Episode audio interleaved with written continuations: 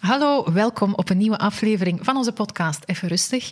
Vandaag duik ik in het verhaal van Leslie Arends, ondertussen zelf doorwinterde podcast-host, dochter van een ondernemersgezin in de horeca, ondertussen een boek geschreven, auteur, keynote speaker en natuurlijk oprichter van de grootste HR-community ondertussen in Vlaanderen, hè? Zigzag HR. Voldoende stof tot praten dus, dus voilà. Ik ben benieuwd. Ik ben Karen, bezieler en zaakvoerder van First Floor.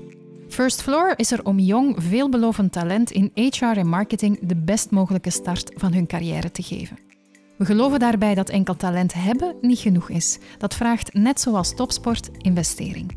We doen dit door uitdagende projecten bij onze klanten, gecombineerd met een uitgebreid coachingsite. Op die manier willen we niet alleen gelukkige professionals klaarstomen, maar ook toekomstige leiders die verantwoordelijkheid durven nemen voor hun job, hun bedrijf en zichzelf.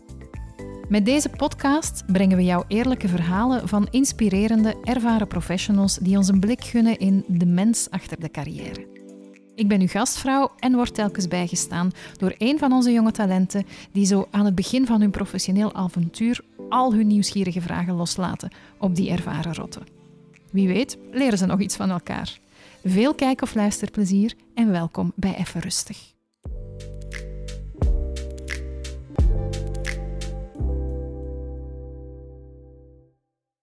Hey, dag Leslie. Hey, hey, goedemiddag. Welkom. Dankjewel. Dankjewel om naar hier te komen. Ik ben heel blij dat je er bent. Met veel plezier. En ik doe dat dus niet vaak. Nee, ik weet het, Ik ben is daar. vaak de gast op een podcast, dus ik ben Ja? eigenlijk zelf best een beetje zenuwachtig. Oh, dat is geweldig. Ik vind dat altijd fijn om te horen dat mensen ehm, ook gewoon durven toegeven dat ze wel zenuwachtig absoluut. zijn. Want je voelt toch Ja. altijd zo nog een beetje die spanning. Hè? Ja. Ik heb dat zelf ook Ja, nog. ja, ja. Zelfs bij elke podcast. voilà. Kijk eens aan. Laat het een geruststelling Voilà. zijn. Caroline, jij komt mij flankeren vandaag. Ja, klopt, inderdaad. Super tof. Ja, Nu- ik ben heel blij. We duiken altijd in het verhaal van onze, onze gasten, van Leslie. Ehm, Leslie, aangezien dat ik natuurlijk zelf ehm, actief ben in HR, weet ik uiteraard wie dat jij bent. Maar voor degene, ik kan het mij niet voorstellen, die weten wie jij bent. Wie, wie is Leslie? Ik vind dat eigenlijk een heel moeilijke vraag, want Leslie is veel meer dan Tuurlijk. zigzag HR. Ik ben uiteraard ook mama. Ja. Ehm, afwezige mama, in alle eerlijkheid. Ik ben er heel vaak niet voor mijn gezin. Mhm. Nadeel van de ondernemerskant, omdat ik zodanig gepassioneerd opga in mijn verhaal. Dus daardoor ook afwezige dochter, schoondochter en zo Ja. verder. Oprichter inderdaad van Zigzag HR, maar mensen omschrijven mij heel vaak zoals een vat vol tegenstrijdigheden. Mijn man zegt complexe wijn. Als je er geen verstand van hebt, blijf er beter af. Dat is een hele mooie metafoor. Ja, ja. Een learning-tick. Ehm, leren is de drijfveer in alles wat ik doe, zowel professioneel als daarbuiten. En dat vertaalt zich op dit moment inderdaad in Zigzag HR, maar andere mensen gaan me misschien kennen vanuit VOV of vanuit volwassenenonderwijs. Ja. Leren is gewoon een constante en op een heel gepassioneerde manier en met een eagerness om andere mensen mee te pakken Ja. en mee te inspireren. Ik denk dat ik het zo wat kan omschrijven. Ja, ja, ja. Ja. Oké, dus leren, learning, development, daar zie ik al het HR-zaadje. Ja. Mensen daarin meepakken, dan gaan we naar de communicatie en Ja. de marketingkant. Ja, Ja, een combinatie die uiteraard mij ontzettend boeit. Mhm. Dus ik ben benieuwd. Caroline, jij komt ons vergezellen vandaag. Hè? Ook voor jou de eerste keer dat je co-host bent. Altijd spannende ervaringen. Ça va? Gezonde zenuwen. Maar dat is goed. Gezonde Ja, zenuwen voilà. zijn goed. Voilà. En voor wie dat u niet kent, wie ben jij? Ja, dus ehm, dat is misschien... Voor mij was dat ook een hele moeilijke, eigenlijk, om te zeggen wie is Caroline. Maar als ik het in drie woorden maar, ehm, zou omschrijven, dan zou ik denken eh, sportief. Want ik speel ehm, volleybal. Ik doe dat met heel veel plezier al Ja. van mijn vier jaar. Al lang? Ja, ja, ja. Goed lachs. De vrienden die dat me kennen, in het begin zal ik een beetje terughoudend zijn, maar vanaf dat ik wel loskom... Ik kan het alvast Ja. bevestigen. Ja, ja. En ehm, een, bewuste doener zou, ik, eh, zou Ja. ik mezelf ook omschrijven. Zoals Ja. ik daar juist al Ja. tegen jullie verteld heb. ehm, ik ben iemand die graag ehm, van nature uit in mijn comfortzone eh, blijft. Maar eh, af en toe push ik mezelf wel graag om, eh, om daar eens uit te gaan. Bijvoorbeeld eens op Erasmus gaan. Of, of ja, om als HR-consultant bij First Floor te beginnen natuurlijk. Hè. Want eh, ja, mijn, mijn parcours dat ik tot nu toe heb afgelegd... Ik heb ehm, Human Resources gestudeerd. En ik vond dat enorm fijn om te doen. Maar ik, had, ik miste een beetje het academische aspect, zou ik maar zeggen. En daarna ben ik dan bedrijfscommunicatie gaan studeren. Ja, ook weer de tandem HR, communicatie, Ja. merk en rode draad. Ja, ja, ja, ja. Want ehm, ja, ik ben wel blij dat ik dat gedaan heb, omdat ik met een ander perspectief naar HR kijk. Dat is niet de meest ja, logische stap natuurlijk naar bedrijfscommunicatie. Ehm, en ja, nu ben ik terechtgekomen Ja. bij First Floor, waarvoor eh, ik enorm daar, dankbaar ben. Ehm, ik heb nu mijn eerste project bij Tabaknatie. Ja, ja, ja, ja. En ehm, daar krijg je de kans om mee te werken aan de werving en selectie, maar ook bijvoorbeeld aan employer branding. Klopt. Dus Ja, en ik weet fijn. dat jij heel erg uitkeek naar deze aflevering samen met Leslie. Want jij kent Ja. Zigzag HR ook, hè? absoluut. Ja. Ja. Ja, ja. Ik volg al een... eh, ja, sinds dat ik op LinkedIn ben, zal ik maar zeggen, volg ik Zigzag HR Ja. wel eh, op de hè? voet. Dat hoort elke Punten, HR. punten, punten gescoord. Elke HR-professional Ja, ja. hoort Zigzag eh, te volgen, Ja. hè? Of hoort in ieder geval op LinkedIn te kijken wat er gebeurt. Ja, want heel klopt, veel HR-professionals hebben de neiging om zich een beetje te gaan toespitsen op de operationaliteit. De vele zaken die moeten gebeuren. Je moet naar buiten gaan, zeg ik altijd, en LinkedIn is buiten. Ja. Daar Ja. kun je gevoel in krijgen van wat, dat er, eh, wat dat er leeft en wat dat er gebeurt. Dus Ja. goed, en goed dat je jezelf stretcht. Dat is leiderschap trouwens. Jezelf stretchen, iets doen wat buiten je comfortzone ligt, dat is leiderschap tonen. Dat is Absoluut. En hoe sneller dat je jezelf daar een stukje in traint, hoe Ja. natuurlijker en hoe vlotter dat dat op een Dat heb ik ook moment wel gaat. echt enorm hard gemerkt. Dat Ja. het, eh, bijvoorbeeld de eerste post op LinkedIn was mijn bang hartje. Omdat het toch wel ja, een Ja. breed netwerk Ja, is. ja, ja. En nu is het wel al veel vlotter. En je denkt er ook minder bij na, zal ik maar zeggen. Het is meer van Ja. gevoelsmatig. Keigoed. Dat is wat we moeten hebben, hè? Ja, absoluut. Zeg Leslie, de vraag waar dat ik altijd zo wat mee open is... ehm, hè, want we zijn altijd benieuwd naar iemand zijn verhaal, een beetje achter de loopbaan en wat dat jou gebracht heeft tot waar dat je nu bent. Eh, en ik begin altijd met de vraag van, ja, waar begint het voor jou? Omdat ik gemerkt heb dat dat bij heel veel mensen al een heel ander startpunt kent. Mhm. En waar begint de loopbaan dan? ja, voor jou of zeg verhaal? Ja, nee, ja. jouw verhaal. Als je Ja. zegt van als ik nu zelf kijk naar hoe dat ik gekomen ben waar ik vandaag ben, waar zijn die zaadjes zo begonnen? Hoe is dat voor jou begonnen eigenlijk? Maar het is in ieder geval totaal niet volgens plan gelopen. Nee, vandaar nee. zigzag. Zigzag, Ehm, want die naam is uiteraard niet, niet toevallig gekozen.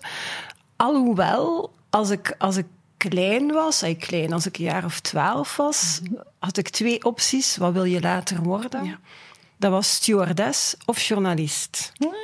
Mijn ouders, ondernemersgezin, horecazaak. Ja. En mijn vader zei stewardess, dus horeca in de lucht. moet je niet doen. Dan zei hij beter dat het beneden blijft, dat is veiliger. Dus eigenlijk had ik gans in het begin wel de idee om, om journalist te worden. Ik ging de wereld rondreizen, maar vooral zo'n onderzoeksjournalist die zo alles wat fout loopt in de wereld ging daarover vertellen, zodanig dat ik dat allemaal kon oplossen. Ehm, dat was, ik ging ook nooit trouwen, nooit kinderen krijgen. Tweede huwelijk, twee kinderen, dus het kan verkeren. Ja.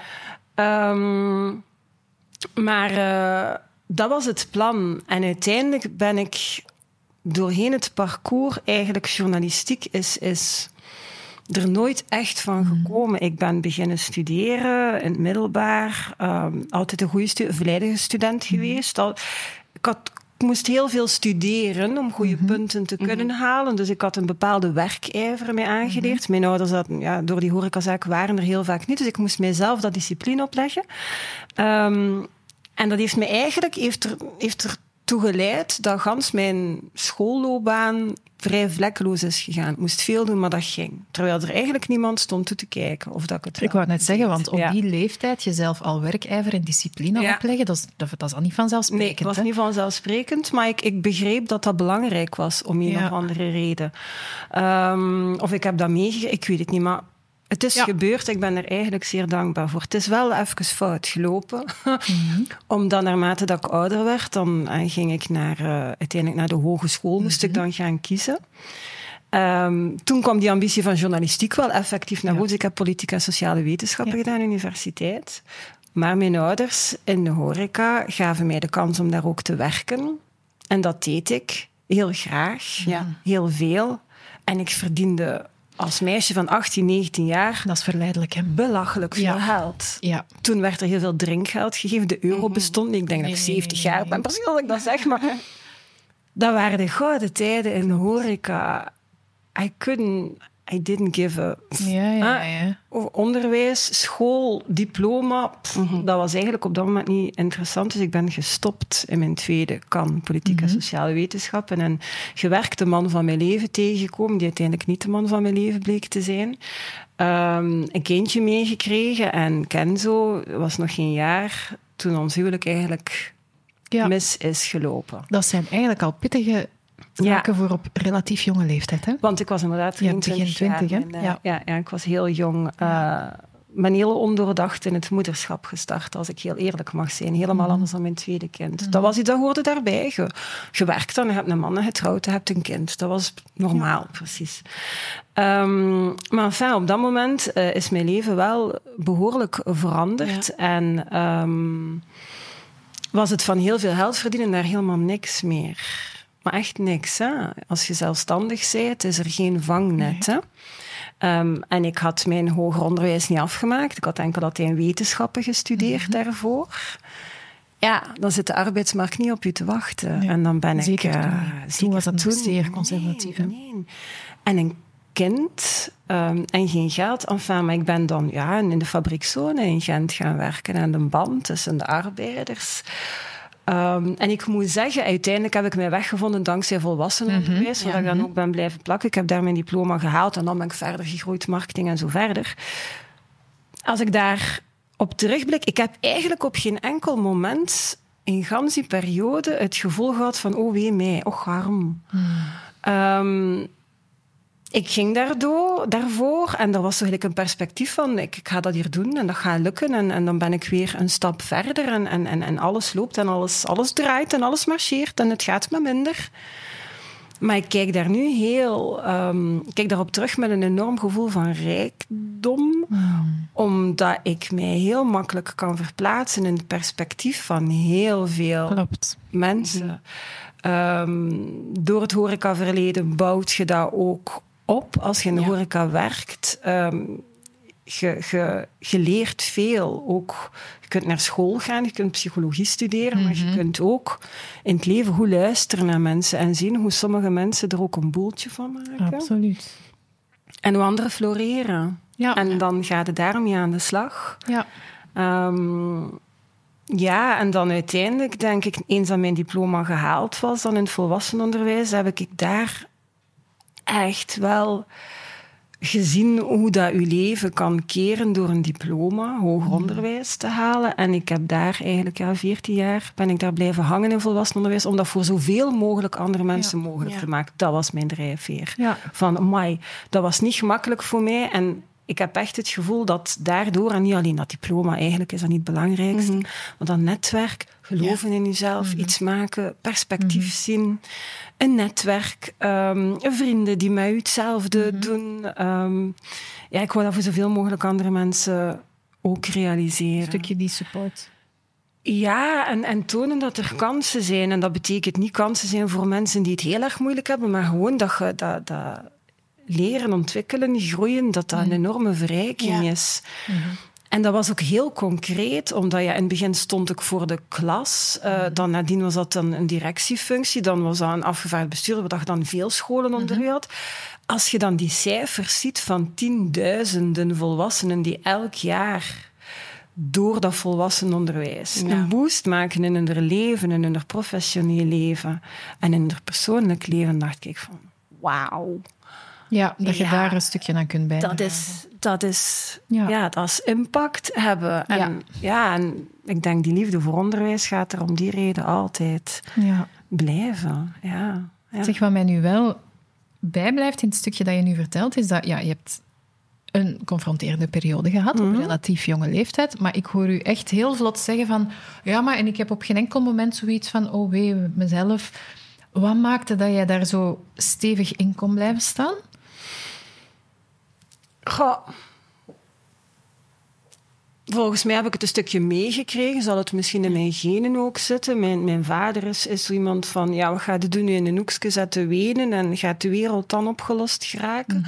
Dus dat kan ook heel negatief zijn. Hè? Als je zegt van, je moet niet wenen, je moet doordoen. Ja, ja, ja. Dat kan, Het kan ook forceren zijn. Het kan, ja. die, die grenzen soms doen. Ja. Ik denk, ehm, ik heb gelijk altijd een perspectief kunnen vinden of zoeken. Ehm, volgens mij is dat het wat mensen drijft of net niet Mhm. drijft. Ehm, eender wat dat je meemaakt, als je voor jezelf geen perspectief ziet van wat hierna, na een negatieve ervaring of na een, een, een, verlies, Mhm. professioneel of privé, als je dan geen perspectief kunt vinden, dan is het volgens mij heel moeilijk om je Mhm. recht te pakken. Maar ja, ik, bedoel, ik was wel jong, ik had een kind. Mhm. Ja, je denkt van, ik, ik moet hier wel door, ik moet mij wel rechtstellen. Dus dat is je eerste drijfveer van het moet wel, want wie Ja. gaat anders? Ja. Ehm, maar dat was ook van, ja, binnen zoveel jaar wil ik graag daar staan. Ik heb ook altijd ergens wel een... Niet gehad van, dat moet ik hebben of krijgen, of, maar daar wil ik naar. En had je dat toen al helder voor jezelf? Van daar wil ik Daar naartoe? wil ik, dat is mijn... Ik heb altijd een plan B, een C en een exitplan. voilà. Altijd. Ah, maar dat is al een goeie. Ja. En dan weet ik van, ik ga daar naartoe. En al zigzaggend heel vaak, want je wilt naar daar, maar ja, heel vaak gaat dat niet recht Nee, door. Zelden zelfs. Eh, zelden inderdaad, want de context bepaalt hoe dat je moet Ja. eh, navigeren. Ehm, ja, dat, ik, ik denk dat dat een stukje mee... mee Mhm. ja, en als je dat zelf niet ziet, dan kun je dat vragen aan andere mensen. Van help mij een keer. Je moet mij niet zeggen waar dat ik naartoe moet gaan, maar help mij een keer Ja. te zien. Waar zou ik naartoe Wat zijn kunnen mogelijkheden? Wat zijn mijn opties? Ja. Ja. Ja. Ja. Caroline, hoe oud ben jij nu? Ehm 23. 23, hè? daarom dat ik het vraag. Kunt u voorstellen? Heel moeilijk, eerlijk Ja, hè? Ja. Want momenteel woon ik ook nog thuis en allee, ik zit nog een beetje in het...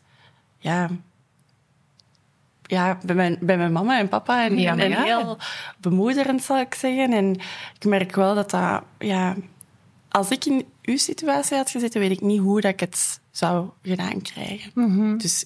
Want, Waarschijnlijk weet je dat nooit tot wanneer... Totdat je erin Totdat staat. het- hè? ja, Ja. dat snap ik Ja. wel. Ja, Ja. en meestal ben je dan tot veel meer in staat dan dat je ooit gedacht had.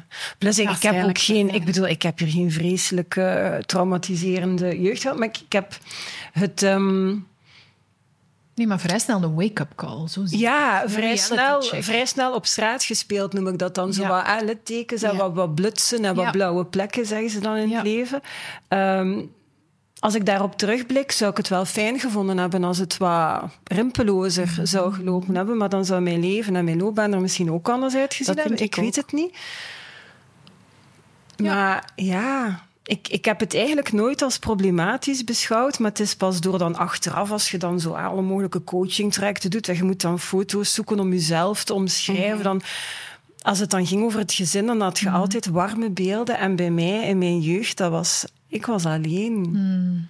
En ik tekende heel veel en ik schreef ook heel veel. En ik had ook wel vrienden en vriendinnen. We hadden toen geen smartphone, we gingen dan met fietsen naar ja, elkaar ja, en dergelijke. Maar ik was wel heel veel alleen ook. Maar ik heb dat nooit als problematisch ervaren. Maar achteraf, als je dan vergelijkt met anderen, dan denk je van... Oei, dat was precies wel niet normaal. Nee, nee, Allee, nee, niet, niet, de norm. doorsnee. Niet, Ja. ja, want je hebt geen broers of zussen dan. Nee, nee. Nee, nee. En mijn man heeft dan heel veel zussen en een heel grote familie. Dus de eerste keer, als je daar dan de zondag ging gaan eten, dat was... Amai, wat is dat hier? Die zitten hier aan tafel en die eten samen en al. Ik, Ja. Bij mij stond het geld lag klaar in het portemonneetje voor het VG'tje in de straat. Dat gaat, gaat Ja, ja, ja. halen, hè? Dus echt kind van zelfstandigheid. Ja, ja. Ja. Ja. ja.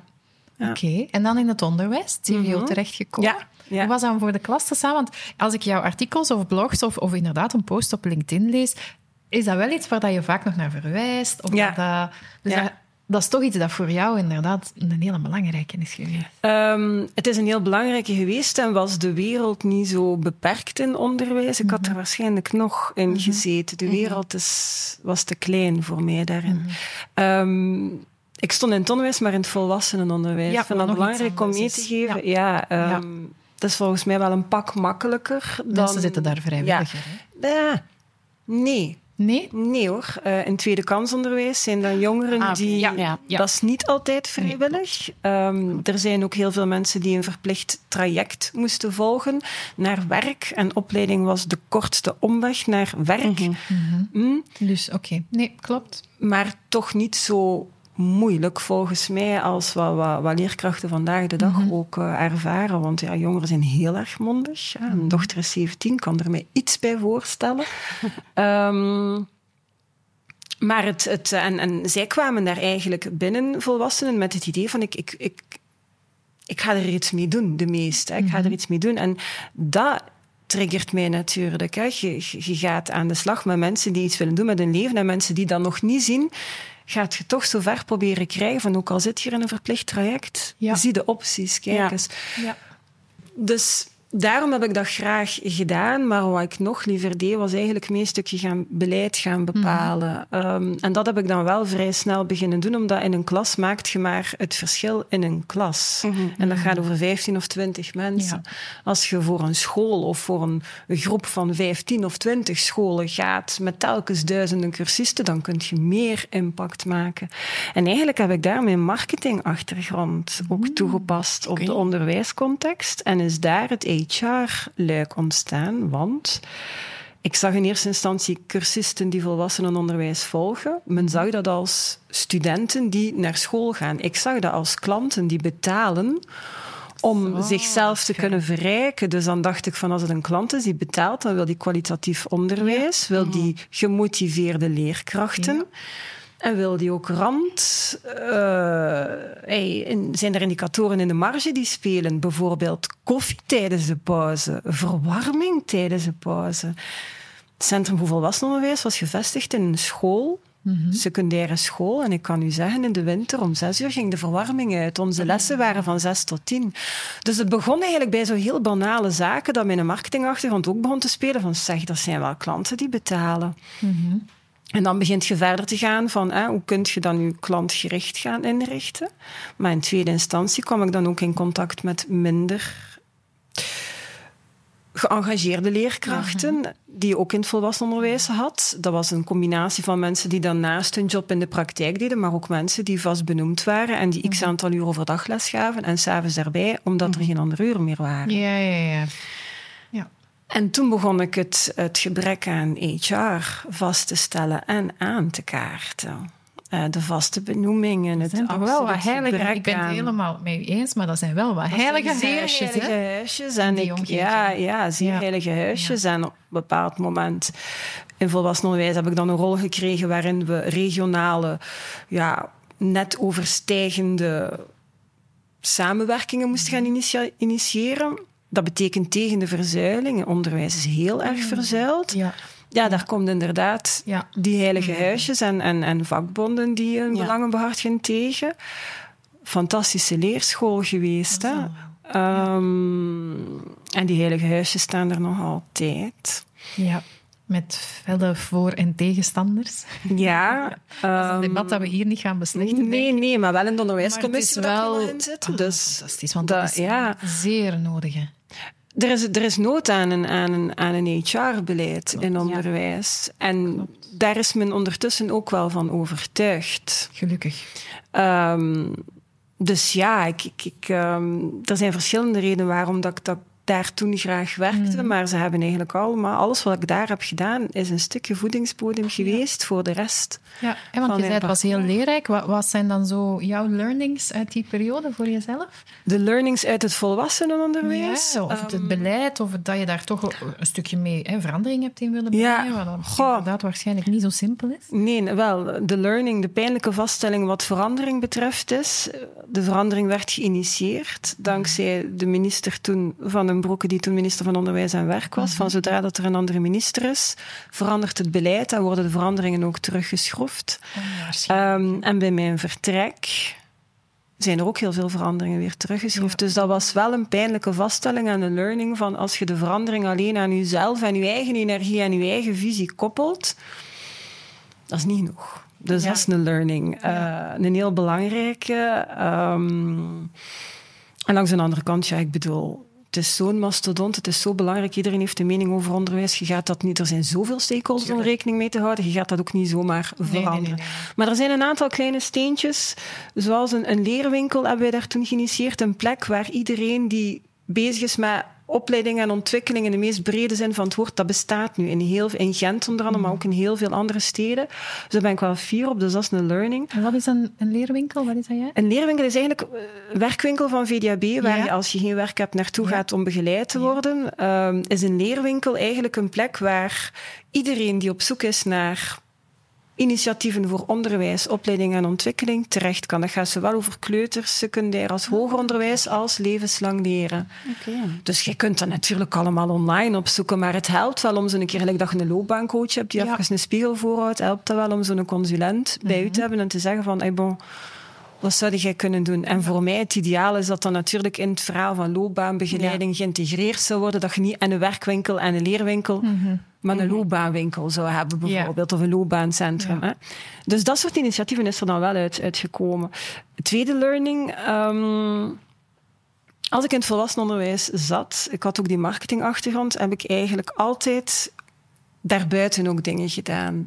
Dus ik keek toen al naar buiten. Wat ik nu zeg, dat HR-professionals muurtje ja, over het muurtje kijken, naar andere congressen gaan, boeken lezen die niets met onderwijs of volwassenenonderwijs te maken hadden, waardoor dat ik ideeën binnenbracht.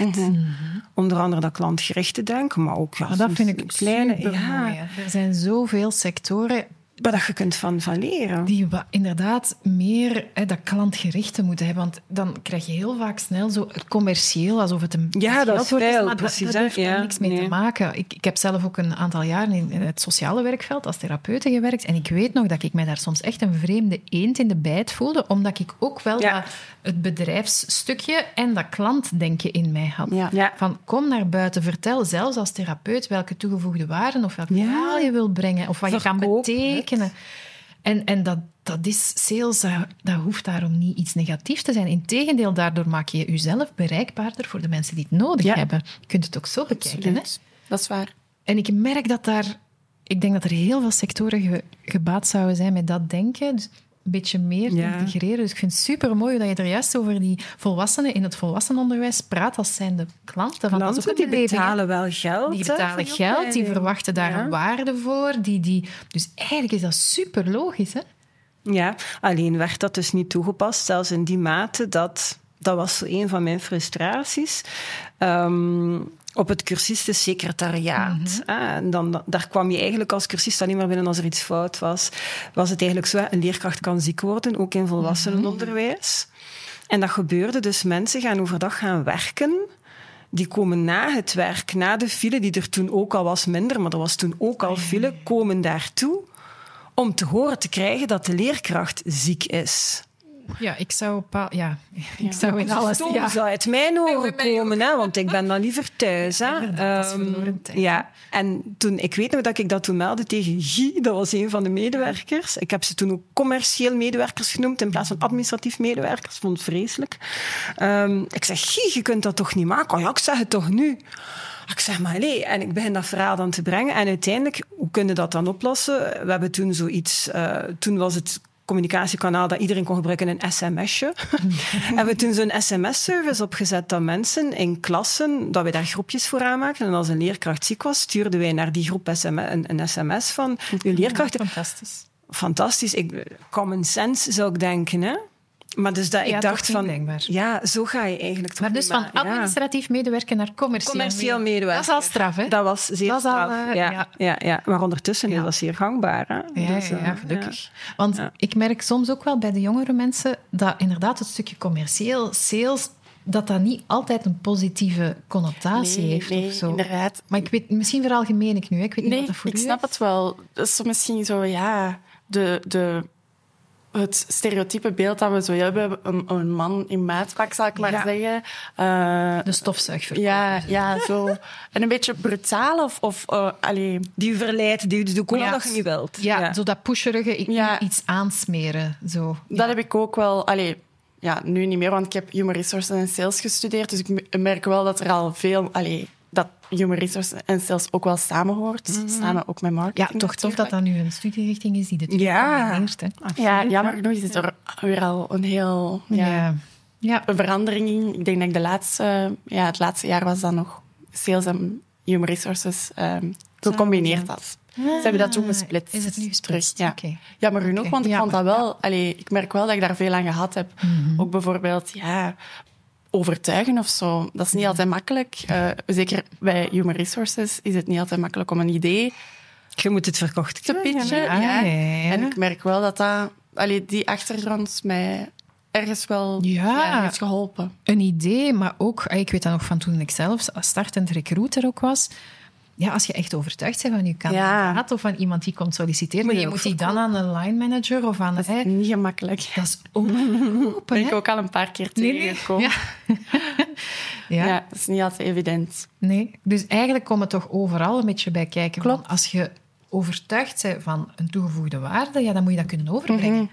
En, Maar ja, alles, alles is... Eigenlijk is alles sales. Als een, als een baby weent, dat is een manier om uitdrukking te geven. Ik heb honger of die pamper is vuil. Dat is ook, die, die wil iets verkopen, die wil eigenlijk een boodschap verkopen. Alles is voor mij Ja. sales. Tijd vragen van iemand, telefoneren naar iemand. Je moet al iemand overtuigen om die een telefoon op te nemen. Je moet iemand overtuigen. om- waar. Alles is sales. Dus ik vind het heel jammer dat, dat men dat zo heel erg uit elkaar Mm. trekt. Want in het bedrijfsleven zouden ze allemaal moeten samenkomen. ja, Klopt. Ja. En in onderwijs trekt men het eigenlijk al een stukje uit elkaar. Ja. En de opleidingen, alles in, in, in silo's. Maar je kunt het dus zelf, hè, in onderwijs, ah ja, zolang dat je jong zit, je kent het speelveld nog niet helemaal, dus je Mhm. kunt ook niet alles weten. Maar het is goed om in eender welke job dat je zit, je ogen open te houden. Ja. En te kijken van, mooi, wat is er nog allemaal? En Mhm. je kunt daar vaak dingen uit meenemen, soms heel klein, hè, Mhm. Die wel voor een heel groot toegevoegde waarde kunnen, kunnen zorgen. En dat vind ik wel jammer, eh, dat dat... ehm, allee, ik merk dat nu, dat, dat, dat ik dat on- aan het ontdekken ben op het werkveld zelf. En dat ik dat pas later ontdekte, bijvoorbeeld Human Resources zelf. Mijn ouders hebben mij dat moeten uitleggen hoe dat in elkaar zit op school. Ja, je- je weet uiteindelijk niet hoe dat een bedrijf in elkaar Nee. zit, wat er belangrijke aspecten van zijn. Dus ik merk wel van, dat dat nog meer naar het onderwijs mag Ja. getrokken worden. In de mate dat dat mogelijk is. Ja, Ja, je absoluut. kunt kinderen en jongeren niet programmeren en een chip Nee. implanten en zeggen, voilà, dit is het leven en, en doe nu maar. hè. Dus sommige dingen moet je wel ontdekken. Ehm, maar ik volg wel dat er wel wat meer... hey, ehm, ehm, dat er wel wat meer aandacht voor kan zijn. Dat heeft natuurlijk ook te maken met het feit dat heel veel leerkrachten in het, in het zeker in het niet-volwassen onderwijs, zijn heel vaak mensen die zijn naar school geweest, die hebben gestudeerd om in het onderwijs te staan en zijn in het onderwijs. Klopt. Zij weten het ook niet hoe dat bedrijfsleven is. Dat is waar. En dat is geen terechtwijzing, dat is een vaststelling. Mhm. Dus net zoals dat jongeren stage moeten lopen voordat ze gaan werken, vind ik, dat is een van mijn persoonlijke pleidooien, iemand die in onderwijs gaat, hè, die moet eerst een keer even het bedrijfsleven gaan proeven of daar ook een keer wat stage doen, Mhm. zodanig dat ze veel beter kunnen meegeven aan jongeren van Om te weten dit waarop is het ze hun leerlingen op Ja. aan het voorbereiden zijn. Ja, Ja. dat is waar. Ja, ja, Ja. ja, klopt. Dus je kunt niet alles injecteren in mensen, maar een klein beetje meer notie meegeven. Ik ben het Zou wel wel eens, zinvol zijn. merken dat hè, met First Floor nu ook al een jaar of vijf, dat de brug, of de, allee, de gap tussen schoolbanken, onderwijs en die stap naar het professionele leven is echt gigantisch groot. Ja. En eigenlijk zou dat niet.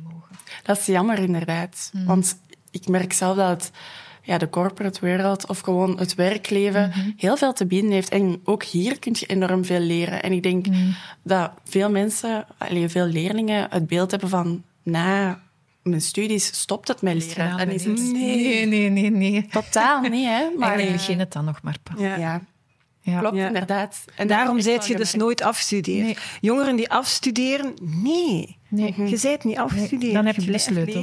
je dan de sleutel Ja. gekregen. Dat is waar. Ja. Eigenlijk, hoe dat, in metaforen, dan vind ik, op dat moment heb je de sleutel overhandigd gekregen. Ja. En voilà, en dan, is het, dan begint het pas. Hè? Ja.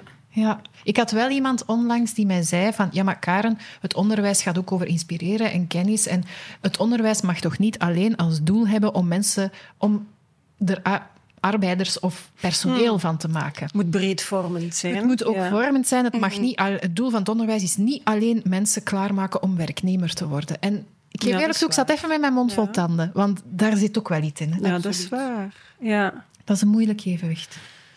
ja, maar je bent ook niet alleen werknemer. Je maakt ook deel uit van de maatschappij. Dus het moet breedvormend zijn. En dan na die brede vorming moet je wel de gelegenheid geven aan jongvolwassenen om een keuze te gaan maken voor een specialisatie of een eerder generalistische eh, richting. Ik denk het, het probleem zal daar meer zitten in hoe bereid je jongeren voor op die eerste keuze of dat Ja, je eerder ja. generalistisch of eerder spe... You haven't got a clue. Nee, Klopt. absoluut niet. En dat is ook kei normaal. Ja. En veel mensen van 30 jaar weten het nog altijd niet. Ja, 40 ook niet. Ja, of 40, of, of sommige mensen weten het misschien nooit. En sommige mensen vinden het misschien ook nooit een probleem. En soms verandert het. Ja. Omdat de context verandert, omdat jij verandert, Ja. of whatever. Ehm, dat is de moeilijkheid. Ehm, en je kunt niemand daar volgens mij op voorbereiden, maar je kunt wel naast je sleutel, de ja, kleine sleuteltjes dan misschien mee, ik weet niet, of een loop, of ik weet niet welke metafoor dat je moet gebruiken, meegeven dat, dat mensen wel zeggen van, ah bon, ik heb dat nu gekozen, maar ja, dat was precies toch niet... Dat is, dat is niet erg. Het is niet omdat die deur niet goed is, Nee. maar met een loper kan ik een andere ja, ja, deur kan open ook doen. ergens anders. Dus dan, en, en nu heb ik soms het gevoel dat mensen, oei, ik heb verkeerd gekozen. Het zijn een opleiding, het zijn een job. Oei. Ze mogen dat niet als falen zien. Ja, falen of het is gedaan. hè. Ik bedoel, ik heb verkeerd gekozen, is het gedaan. hè. Ik zit vast. Ja, klopt. Nee, En dat is niet. dat is nooit. Alleen denken we dat soms. Ja. Ja, en Het is goed, ja. natuurlijk ook. Ja, en, en het vraagt veel lef wel, om, om dat één in te zien, toe te geven en jezelf op te pakken en dan iets anders te doen. Hè? Want heel vaak voelt je het wel van het is niet goed, maar ja, wat dan wel? Mhm. Meestal kun je dat zelf niet. Je hebt ook ondersteuning nodig. Daarvoor dienen loopbaancoaches of in sommige gevallen zelfs therapie. Hè? Ja, ja, ja, ja. Als, als mensen niet helemaal vastzitten. Maar ook dat is geen schande. Hè? Het is, het is ehm, mad world out there. Hè? Dus dan is het goed om, om af en toe een keer Ja. perspectieven te zien die je zelf niet ziet door met iemand ja, Ja, met gewoon een eens iemand te praten. Eens te ja. praten met iemand. Iets wat mij, wat, wat ik totaal niet door had toen ik nog net afgestudeerd was of zo jong was, is dat heel veel antwoorden tonen zich pas het moment dat je begint te wandelen. Ah ja, als je in beweging Als je Ja, vanaf dat je ja, begint te doen, wordt Ja. er plotseling van alles Ja. duidelijk. En zolang dat je niet stappen zet of in beweging komt, dan moet je nog blijven nadenken en Dat analyseren en proberen uitzoeken. Maar dan komt het niet. Nee, nee. In bewe- inderdaad, doen en daaruit leren. Zeg, en hoe lang ben je dan uiteindelijk in... Dus begrijp ik het dan goed? Je had een beleidsfunctie en je combineerde dat ook nog met lesgeven? Of was het ben Nee, heel ik snel ben in eigenlijk... eh, in het begin heb ik eh, lesgeven gecombineerd met dan het commercialiseren van dat cursistensecretariaat. En dus de marketingskills daarop losgelaten. En op dat moment kwam toen minister Van den Broeke met een initiatief dat hij zei van eigenlijk was dat gewoon een besparingsoefening. Er waren heel veel centra voor volwassenenonderwijs op elke hoek. En dat kostte enorm veel aan de maatschappij, omdat sommige klassen maar tien studenten hadden, cursisten. Dus men wilde eigenlijk naar een schaalvergroting gaan. Ja. Langs de andere kant, het levenslang leren verhaal speelde toen ook al. Mensen doen dat te weinig. Dus was de opdracht toen gekomen ehm, naar het onderwijs, ga ik even zeggen, om levenslang leren op de kaart te zetten, regionaal. En om het opleidingsaanbod behoeftedekkend te maken. Eh, in de zin van, je moet zorgen dat mensen die zich willen professionaliseren, dat ze dat voldoende dichtbij kunnen doen op een voldoende kwalitatieve manier, zonder dat het belachelijk veel geld aan de overheid kost door op elke straathoek zo een instelling uit te bouwen. En dat betekende eigenlijk dat men afwou van de manier hoe de scholen via... eh, Eigenlijk waren het de koepels die bepaalden waar dat de scholen waren. Het moest eigenlijk regionaal afgedekt worden. Ja, dat, dat was een beleidsfunctie. Daar had ik mijn marketingskills voor nodig. Je moest levenslang leren in, op de kaart zetten. Dus dat was ook verkoop. Dat waren eigenlijk allemaal dingen. Plus ik kende het volwassenenonderwijs. Ik had dossierkennis tot en met. Dus dat werd gelanceerd. En dan werden er ja, grote meetings uitgezet. En mijn toenmalige directeur van de CVO zei van... Heb je geen goesting om mee te gaan? We zoeken nog iemand voor het verslag. Dus ik ben ik verslag gaan maken. Maar ja, af en toe... ho, ik heb een idee. Ah, Ah, ja. ja, en ze En luisterden het, daar naartoe. En dan om den duur was ze van, oké, het wordt officieel. We moeten de statuten schrijven. Leslie, Mhm. ah ja, ik zei, ga ik verslag... Ja, meneer, we gaan ook... En ik werd inhoudelijk betrokken. En toen kwam het moment dat men een afgevaardigd bestuurder moest gaan recruteren. Dus gans die procedure uitgetekend. En toen werd plots vanuit de raad van bestuur gezegd, zou je zelf ook niet meedoen? En dan dacht ik van, oh my. Dat heb ik gedaan.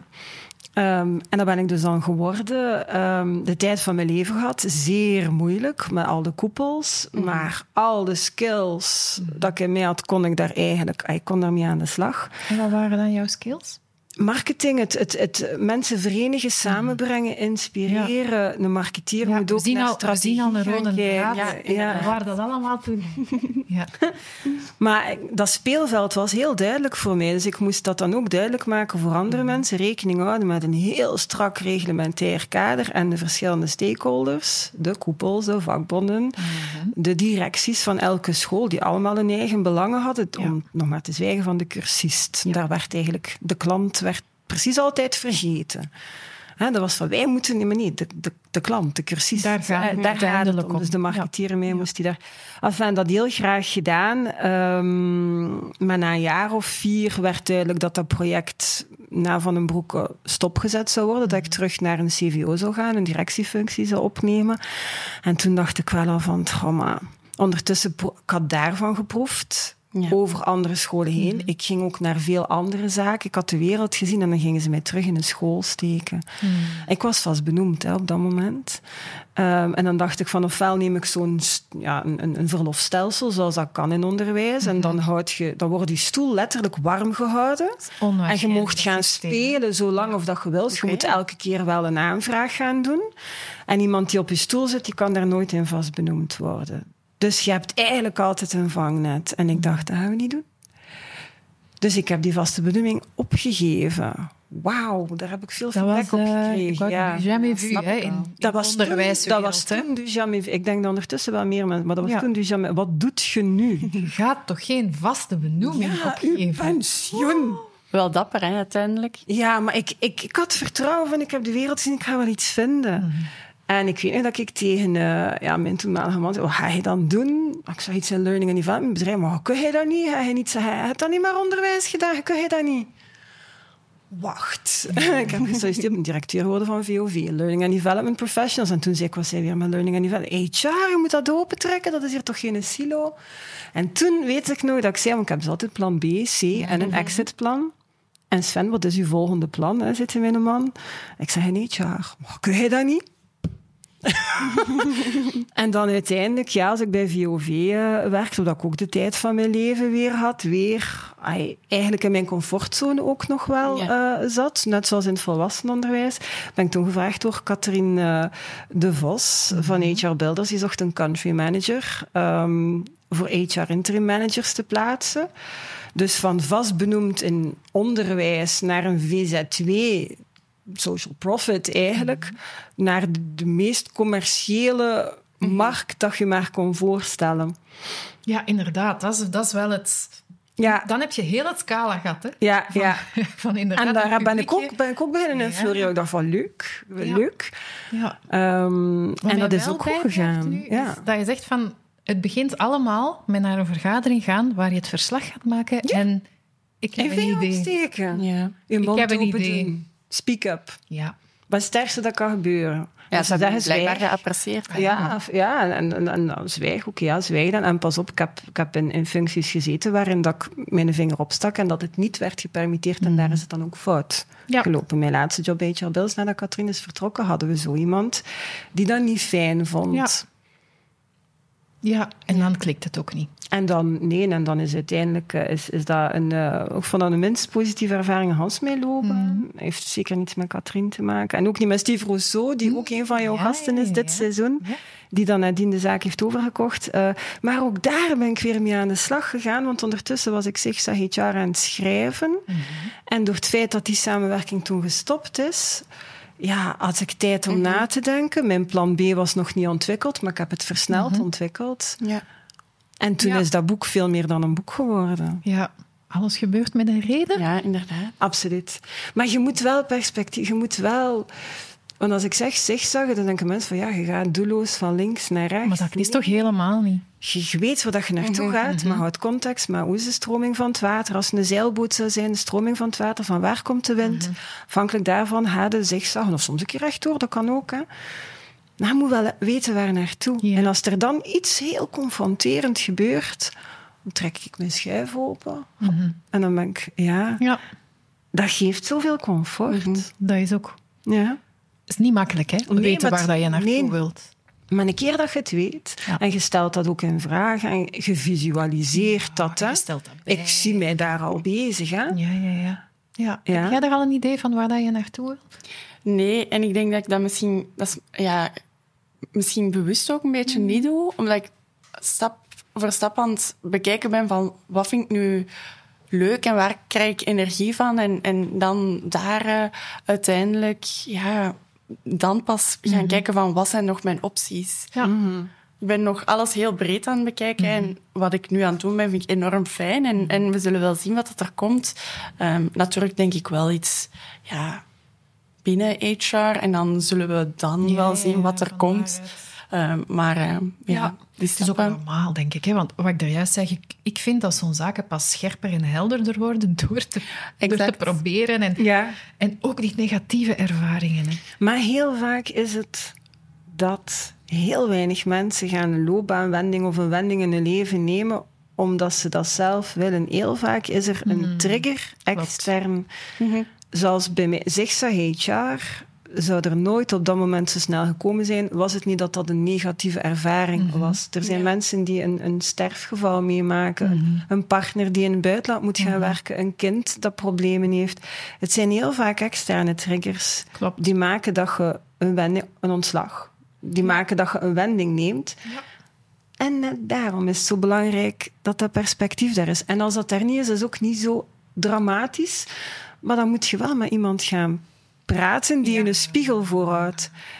En bij voorkeur een professional zou ik zeggen, vraag dat niet aan je moeder en aan je vrienden, want die geven... Die zijn alleen maar Die zijn bezorgd. veiligheid. Ja, die zijn bezorgd. Die geven geen advies aan u. Die geven advies aan zichzelf. Daar zit... Dat is, Ja, dat is waar. Dat is waar. Ik zou dat niet doen. Dus blijf maar, doe maar voorzichtig. Ja, Ze ik zijn zou dat niet doen. Ja, Ja, klopt, klopt. Ze zijn bezorgd. Ik Ja. zou, nee, het gaat niet over ik, het gaat over mij. ja, dus luister daarnaar, maar weet dat ze eigenlijk advies aan zichzelf geven. Ik vind dat een goede, een goede professional, een goede professional, hè, niet zomaar de eerste de beste, dat het helpt om je een spiegel voor te houden.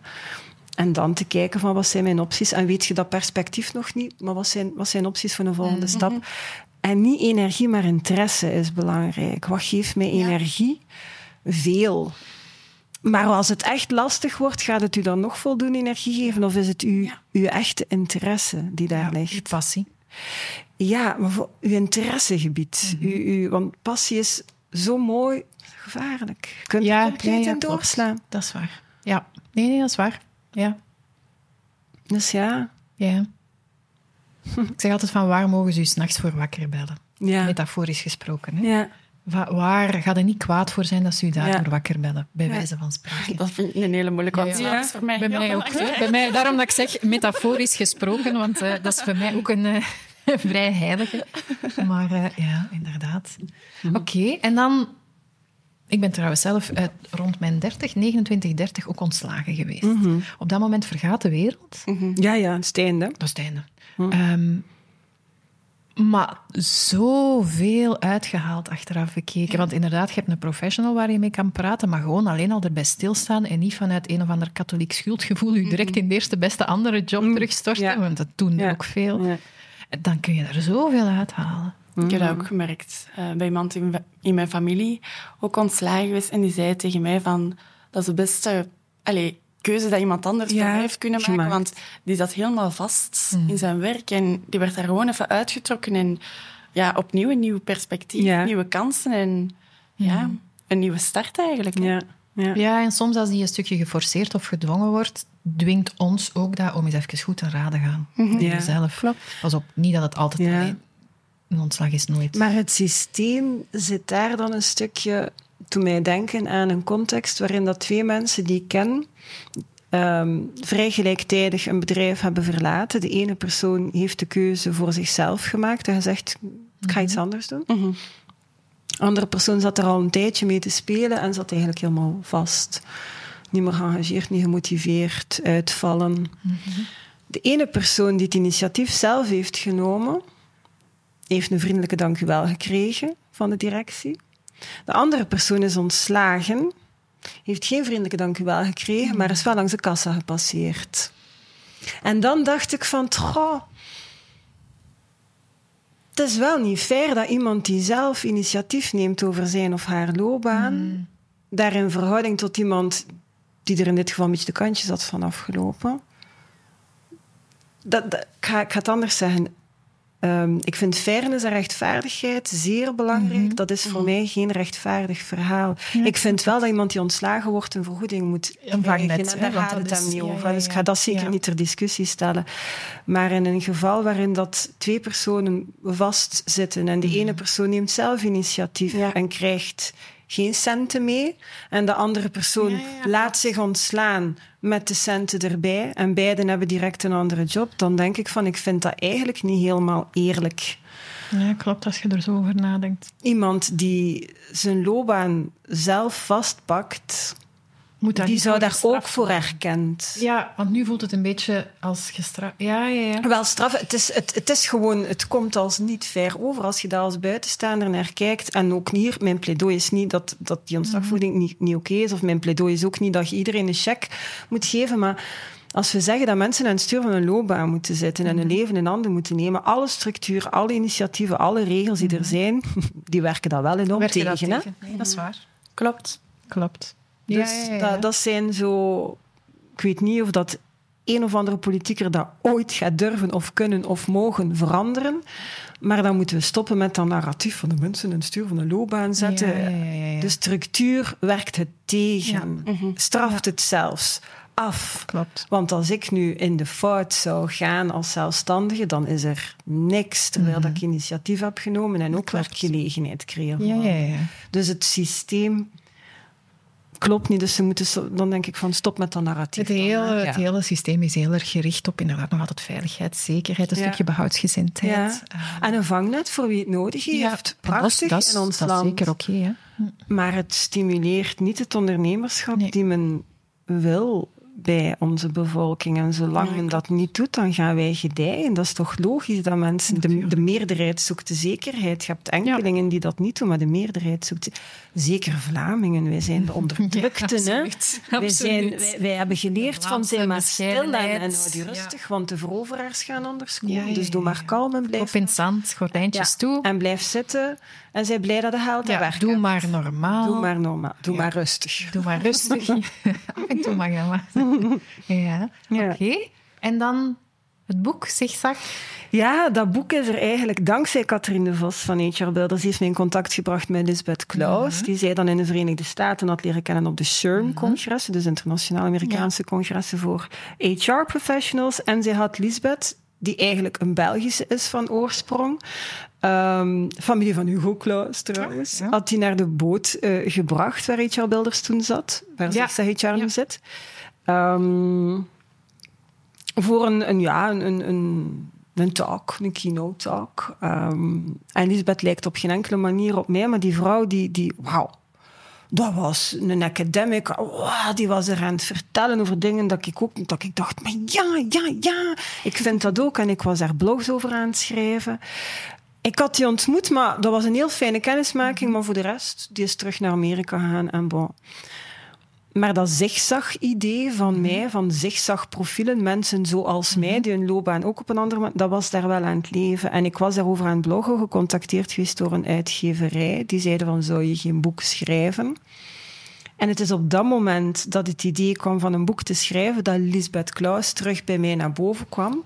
Want ik zei, ja, ik ga als marketeer met een loopbaan voornamelijk in volwassenenonderwijs niet aan HR-professionals gaan vertellen hoe het moet. Hè. Ik heb daar absoluut geen onderbouw voor. Ik, dat is een mening, dat is, dat is niet meer dan dat.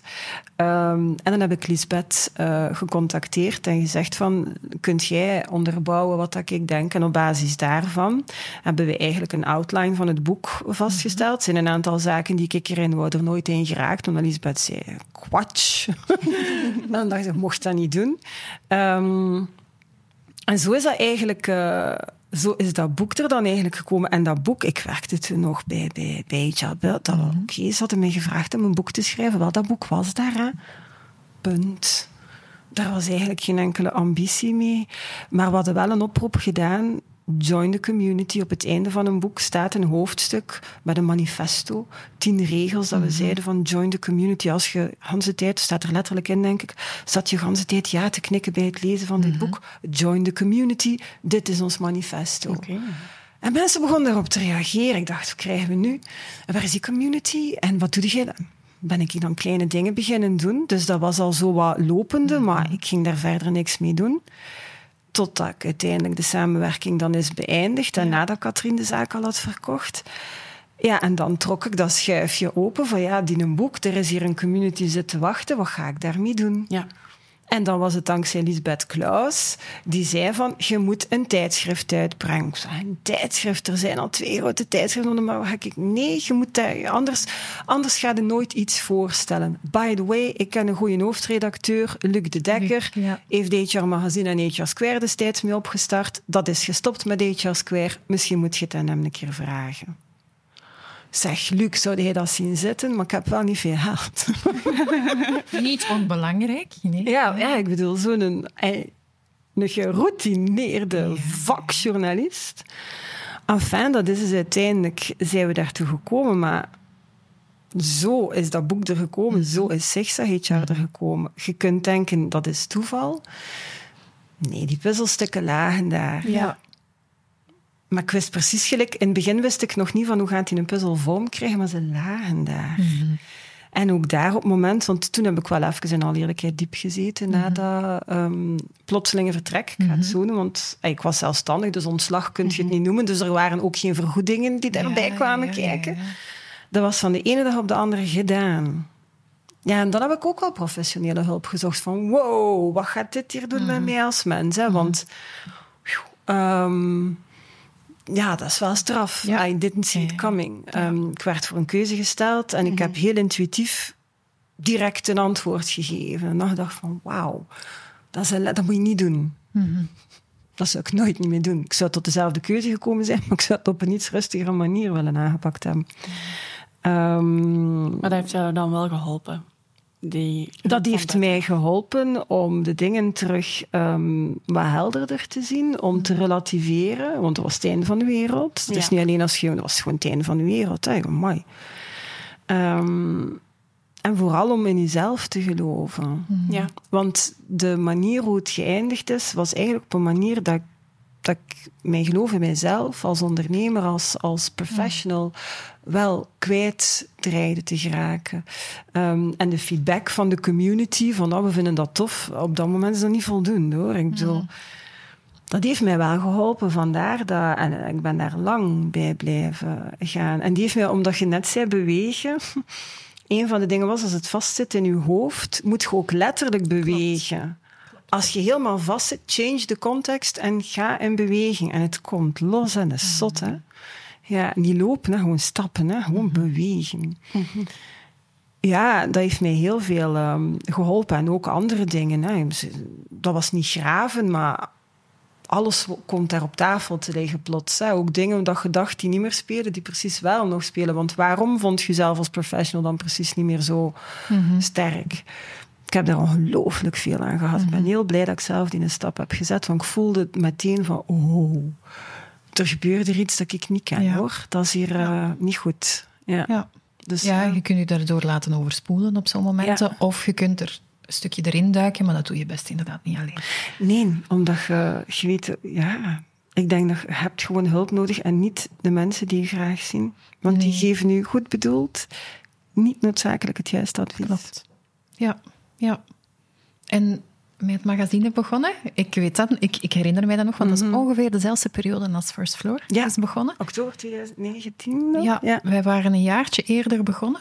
Um, dus in 18 zijn wij begonnen. April 18, oké, okay, dus het is een beetje later. Maar ik weet wel nog het begin van het magazine. Um, dat ik dacht van, ah ja, dat is echt puur op HR. En, en ik weet niet waarom. Misschien ook door het boek. En uh, ik heb zelf ook een zigzag-carrière, mm -hmm. dus oei. Maar iedereen ja. heeft volgens mij een beetje een zigzag Maar dan voelde je snel, dan voelde snel de, ja. de klik zo wel. Ja. Van, ah, hier voel ik mij in thuis, hier -hmm. herken ik iets in. Dus ook het magazine, ik heb mij daar toen heel snel op geabonneerd.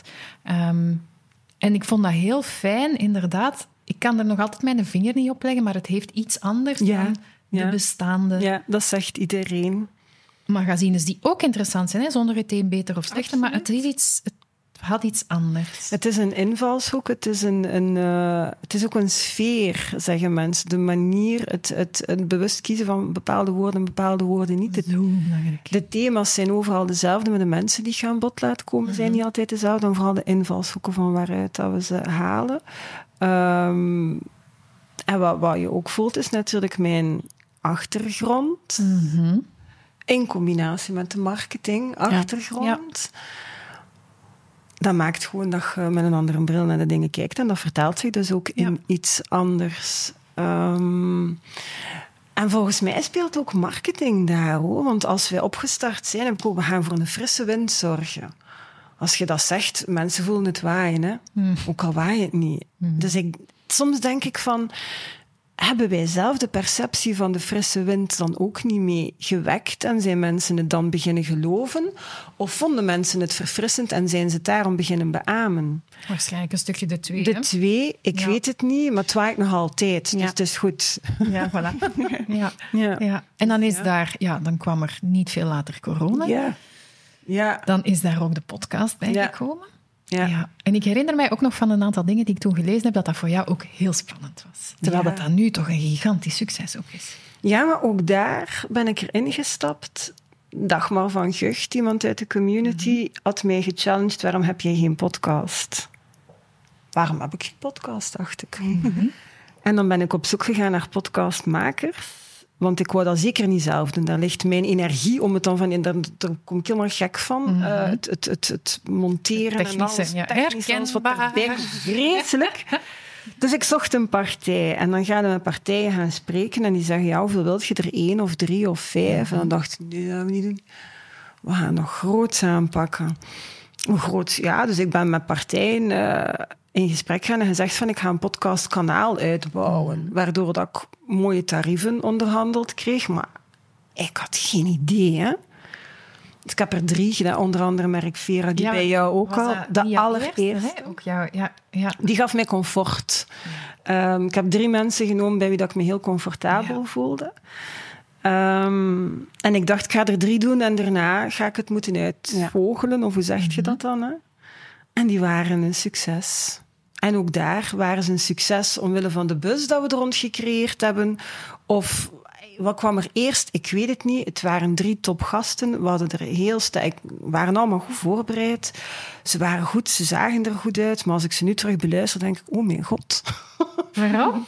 Ja, er is wel wat evolutie in hoe dat ik het aanpak. En, ehm, maar enfin, die drie podcasts die waren dus gedaan. En dan was ik nog altijd, ja, oké, hoe gaan we hier nu mee aan de slag? Hoe gaan we er een verdienmodel van maken? Want dat kost wel iets natuurlijk. Want ik, ah, als, als mediabedrijf moet je... hè, hoe gaan we hiermee... Want, wat zijn de opties? En toen kreeg ik eigenlijk telefoon van partners die zeiden van, zeg, die een podcast, dat is tof, hè? Wat kost dat? Zei, oh. En dan zijn we eigenlijk, net zoals dat een magazine, een combinatie is van redactionele inhoud en commerciële inhoud. Ja. is ons podcastkanaal een combinatie van redactionele inhoud en commerciële Ja. inhoud. En dat betaalt het forum. En vooral is de podcast eigenlijk de manier om de community uit te breiden. De meeste nieuwe abonnees komen op een of andere manier via de podcast of via LinkedIn. Ja. Dus het is een verhaal opnieuw op lange termijn. En alles wat ik, ik doe, zeg ik niet van... Ik ga dat even... We gaan dat proberen. En we beginnen met iets dat haalbaar is, maar we gaan dat wel Ja. groot. En Dream als bigger. eerste gasten bijvoorbeeld niet, geen succes waren geweest, had je dat dan verder gezet? Ja, Ja? want ik had mij gaan... Ja, dan is het oké, die drie zijn niet goed. Wat moet anders? Oké. Ja, wat moet anders? Maar ik had niet gedacht dat zo'n succes ging zijn. Altijd wel fijn dan. Ja, en op een, op een duurzame manier. Want als je kijkt in de ranking, als je een nieuwe podcast initieert en je krijgt de eerste dagen heel veel luisteraars, vliegt je naar boven in alle rankings, staat op vijf, op drie of Ja. Dat is gelijk als je een, een ad-campagne doet bij Google of bij Facebook. Als je betaalt daar, hè, als je stopt met betalen, als je stopt met publiceren, wij blijven, wij blijven hoog staan. Dus dat, je, je wordt eigenlijk een stukje een, een referentie. Klopt. Maar ik ben mij wel bewust van het feit. En vandaar zijn we ook nieuwe concepten ondertussen eh, aan, het- aan het uitwerken en aan het proefdraaien.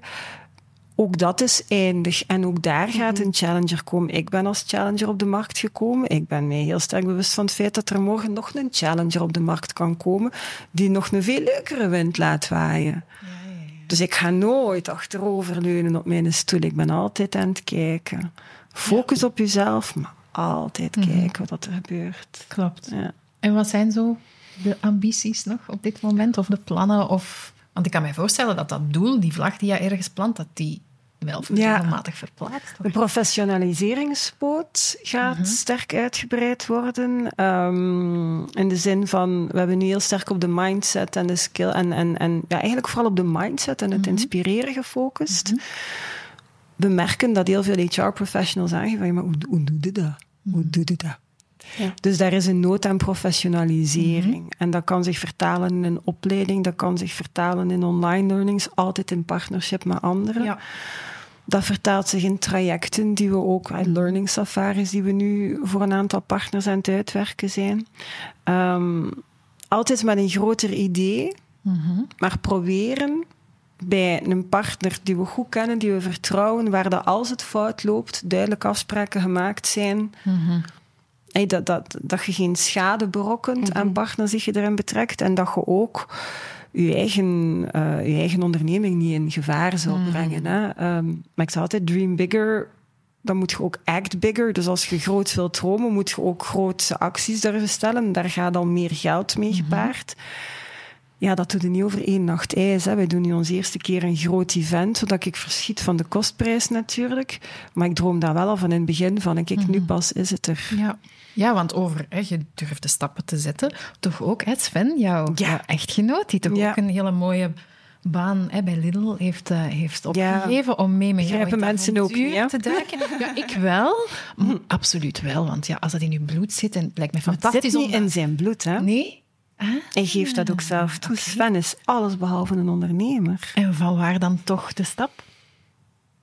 Ik heb hem al heel vaak de vraag gesteld. Hij, is een, een, hij kent veel meer van HR dan mij. Dus inhoudelijk brengt hij een gigantisch toegevoegde waarde eh, mee. Hij, ja, hij challengede mij altijd al in het weekend. Van, ah, wat ga je nu doen? Of, of is dat wel verstandig?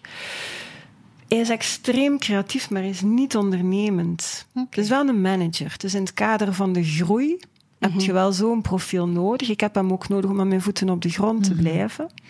En Sven heeft vertrouwen genoeg in mij om, en in de zaak om te weten van, ja, hij laat wel een heel mooie job, want dat dit heel, heel fijne mensen achter voor dit.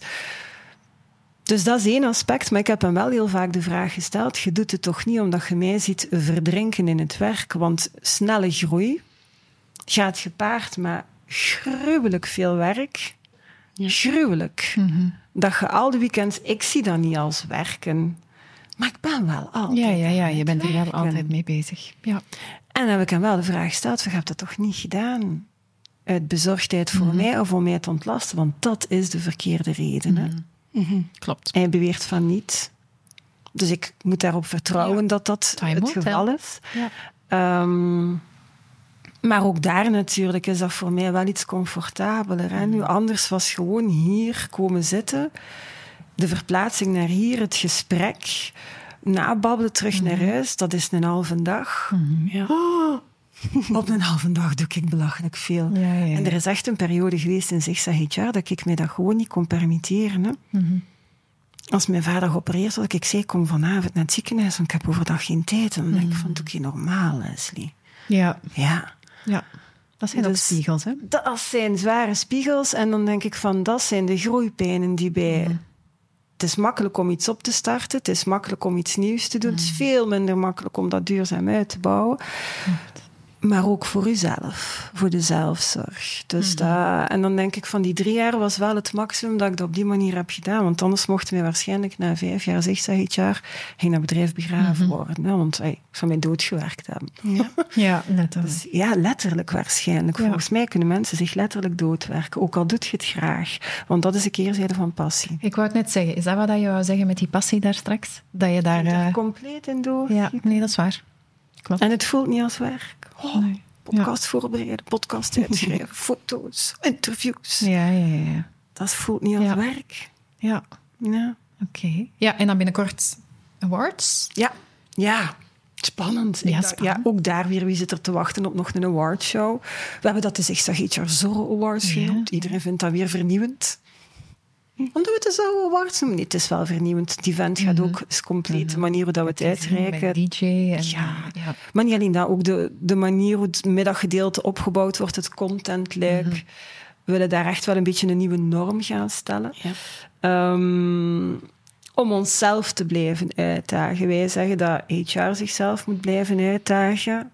Practice what you preach. Hè? Dus Ja. we dagen ook onszelf uit. Ja. Dus uh, ja, Dus er ligt nog heel wat in het verschiet. absoluut. Oké. absoluut. Had jij nog vragen, Caroline? Iets dat je zegt van, of dat, dat wilde ik nog vragen, of dat vroeg ik mij nog af? Ehm, ik heb gezien op jouw LinkedIn, Leslie, dat je had gezegd van HR meets marketing. Eh, en ik was eigenlijk heel benieuwd naar die, eh, ja, naar dat zinnetje.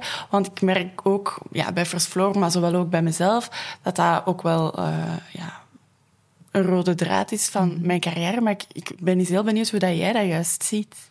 Hoe dat, wel, toeval wil dat we daar nu net een boek hebben in aangekondigd. Ehm, er komt een nieuw boek geschreven door Sven. Goed zo. Sven, Sven gaat eigenlijk, ik zal moeten uitschrijven voor een stuk, maar de inhoud komt echt grotendeels van hem. HR meets marketing. ehm, de marketingtechnieken kunnen we toepassen in HR. Ik denk dat iedereen het Ja, daar ondertussen al Ja, helemaal... branding. Absoluut. Alleen passen we ze niet altijd heel consequent toe. En het is ook niet altijd één op één. En ik merk dat, en Sven frustreert hem daar mateloos over, dat bepaalde technieken ook ten onrechte overgenomen worden. Of, of allee, het is alsof dat we de, hoe zeg je dat, de klok hebben horen luiden, maar niet weten waar dat de, de klepel hangt. hangt. Zo. We gaan eigenlijk in ons boek ehm, dat helemaal gaan uitrafelen. Wat HR van marketing kan leren. Het gaat heel sterk over employer branding gaan. Met een aantal aandachtspunten. En we hebben er nu onlangs ook een blog over gedeeld. Ehm, ja, waarin dat we misschien de oogkleppen een beetje gaan willen weghalen. En een beetje van die... Want in het begin was er mystiek marketing meets. Zijn, zijn, wat betekent dat dan, marketing? HR kan leren van marketing. En nu zijn er al heel veel HR-professionals die zeggen, zijn ze daar weer met hun marketing? En nu men begint het zo al een beetje weg te duwen, terwijl dat de echte essentie nog niet eens aan Nee, bod is gekomen. Er ligt nog een hele weg. Er ligt nog. Marketing heeft exact dezelfde journey gedaan als HR nu in bedrijfsleven. Klopt. Alle opmerkingen die HR-professionals krijgen van de board, heeft HR destijds gekregen. Die zijn daarmee aan de slag gegaan en die hebben nu ook weer struggles. HR kan daar ongelooflijk... Niet alleen HR. Ja, ja, ja. Iedereen kan daar Ja. gewoon heel veel van leren. Ehm, en we gaan dus in dat boek dat eigenlijk in een aantal hoofdstukken gaan uitwerken. Voor Sven zou het klaar moeten zijn volgend voorjaar. We gaan zien. Ehm, Spannend. Spannend. ja, Ja. dus eh, Maar daar gaan ja, we dan ongetwijfeld nog van horen. dat gaat een groot feestje Ja, zijn. dat, dat kan ik mij voorstellen. ja, ik ben alleszins al benieuwd. Ja. Zeg Leslie, hoe was het zelf om eens even terug te blikken op uw verhaal? Ehm, ja, om, om even rustig te zitten vond ik dat, vond dat wel fijn, want ik zit niet vaak rustig. Ik ben ook gewoon helemaal niet rustig. Ehm, Vandaag wel, hè? Ja, ik vind het zou rustiger moeten hoor. Ja, mensen voelen de, de, de energie heel vaak als ik binnenkom. Het, het, De passie zou ik dat eerder de- noemen. wat onrust noem ik dat Ja, dan. ja. Zo onrust, er is zo, ik heb continu een onrust. Dus het heeft voor mij dan wel deugd gedaan om dat te doen, om op de uitnodiging in te gaan. Ehm, en misschien is stilstaan inderdaad niet altijd achteruit gaan. Want dat was ja, eigenlijk altijd mijn credo. Stilstaan is achteruit gaan. Niet altijd. Soms is het goed om Even stil op te de pauzeknop duwen. op de pauzeknop duwen en dan, of om te, op zijn minst te vertragen in de bocht, ik ga het zo zeggen. Ja, ja, ik heb het gevoel dat ik anders altijd blijf racen, ook in de bochten snel. En voor mij is dat nu Mhm. het gevoel dat ik dan zo, van het is af en toe een keer vertragen. En als, als u dan niet comfortabel genoeg is, vertraag dan op zijn minst in de bochten een beetje. Gaat er Ja. ook iets uit leren. Niet te pletter rijden. Ja, ook heel belangrijk. Ja, Ja. ja. Iets wat mij eh, heel erg bijblijft is inderdaad ja, dat stukje in omgevingen waar het niet vanzelfsprekend is, opportuniteiten grijpen, ja, maar het altijd net iets anders doen. Ja. Waardoor dat er inderdaad misschien een onverwachte bocht komt na een pad dat op eerste zicht geëikt lijkt, Ja. maar het dat dan toch niet is. Ja. Ja, ik vind, dat, ik vind het mooi. ja. En iedereen kan dat zien, hè, maar je moet gewoon goed genoeg kijken. En durven. Dat is de volgende stap, inderdaad. Maar de meeste mensen zien het al niet. Nee, dat is waar. Dat is waar. Omdat ze niet genoeg kijken. Of, en dat is het voordeel van het feit dat ik in al die verschillende Ja. domeinen heb. Ja. Het is makkelijker om te kijken als, als je meer dingen Ja. al... Als, Als je een open vizier hebt. Ja, en wie heeft dan een keer... ah, ik vond dat al zo mooi. Je je kunt naar de... ah, ik ben haar naam kwijt. Het was, het was een HR-director, hoor. Ehm, die zei van, je kunt naar de Efteling gaan met een plannetje of zonder een plannetje. Als je zonder een plannetje gaat, ga je waarschijnlijk in één deel van de Efteling blijven. Dan gaat naar huis gaan en gaat een fantastische dag gehad hebben. Totdat je dat plannetje gaat tonen in een auto. Dan ga je zeggen, Ja. shit, dat is nog zoveel, ik heb dat niet gezien. Ik heb het gevoel dat ik al een groot deel van dat plannetje van een Efteling heb gezien. Of ik, ik heb het al een keer overvlogen. En nu zit ik hier en ik weet dat daar, en ik kan daar nog Nog naartoe. daar nog een ja, ja, ja, ja. Dus hoe, Ja. hoe, hoe groter, hoe enger uw wereld is, hoe moeilijker het zal zijn om het te zien. Ja. En hoe breder of hoe groter of hoe meer uitdagingen of hoe meer dat je buiten gespeeld hebt, hoe makkelijker het zal zijn. Maar er is geen, er is, het hoeft geen voorwaarde te zijn. Nee. Het is niet dat je buiten gespeeld moet hebben om, Om, nee. dat te zien. Maar het helpt. Het helpt. Ja. Ja, maar het is geen voorwaarde. Nee. Ja. Oké. Wat is jou zo bijgebleven? Ja, ik vind dat er enorm veel bij is bijgebleven. En om van learnings te praten, zoals eh, je daar juist hebt gezegd, ik denk dat ehm, het vooral, hetgeen wat mij vooral bijblijft, is bijvoorbeeld ehm, ja, met plan A, B en C te werken, om die inderdaad, zoals daar juist gezegd, ja, toch een beetje de kans te durven te wagen, maar ergens ook met veiligheid te zitten van, als dat niet lukt, oké, dan kunnen we overgaan naar iets anders. Ja. En een exitplan. En een exitplan. Inderdaad. Ja. Altijd een exitplan. Wat is het ergste wat kan gebeuren als dit mislukt en kan ik daarmee leven? Ja. Altijd. Als- Ja. ja. A, B, ja, C ja, ja. en een exitplan. Ja, want zeker als ondernemer moet je die vraag heel vaak stellen. Ja. Maar eigenlijk iedereen is daar wel gebaat bij. Ja. En het exitplan heb ik trouwens van Lisbeth Klaus geleerd. Lisbeth oké. Klaus heeft mij gezegd, dat is een academisch prof, geen ondernemer. hè. Mhm. heeft gezegd als ik gestart ben met zeg HR, en wat is uw exitplan? Ik exitplan, dan moet ik daar ook al een... Het zal wel zijn. Ja. Maar ik heb een exitplan. Ja, ja, ja. Heel belangrijk. Dus niet alleen, je kunt van iedereen leren, maar soms leert je dingen van mensen over een totaal ander Ja. gebied dan dat je zou verwachten dat zij u iets kunnen bijleren. Dus een academisch profiel heeft mij echt een fundamentele les in ondernemerschap en leven bijgeleerd. Altijd een exitplan. Ja. Ja, oké. Leslie, we eindigen altijd met de vraag van... ehm, stel dat jij nu, 20-jarige Leslie, Mhm. advies zou kunnen geven. Oeh. Wat zou je haar zeggen? Oeh. Ja. Maar ik zou waarschijnlijk ook advies aan mijzelf geven dan. Hè? Dus... ehm, Goh, elk advies dat ik zou geven zou... Wat zou je haar willen meegeven, wetende met wat dat je nu weet? Om geen spijt te hebben van dingen. Ik heb spijt van sommige dingen. Dat is pijnlijk om dragen. Dingen doen en zorgen dat je geen spijt hebt van. Mhm. Dus minder impulsieve keuzes maken. Ik heb een aantal impulsieve keuzes gemaakt.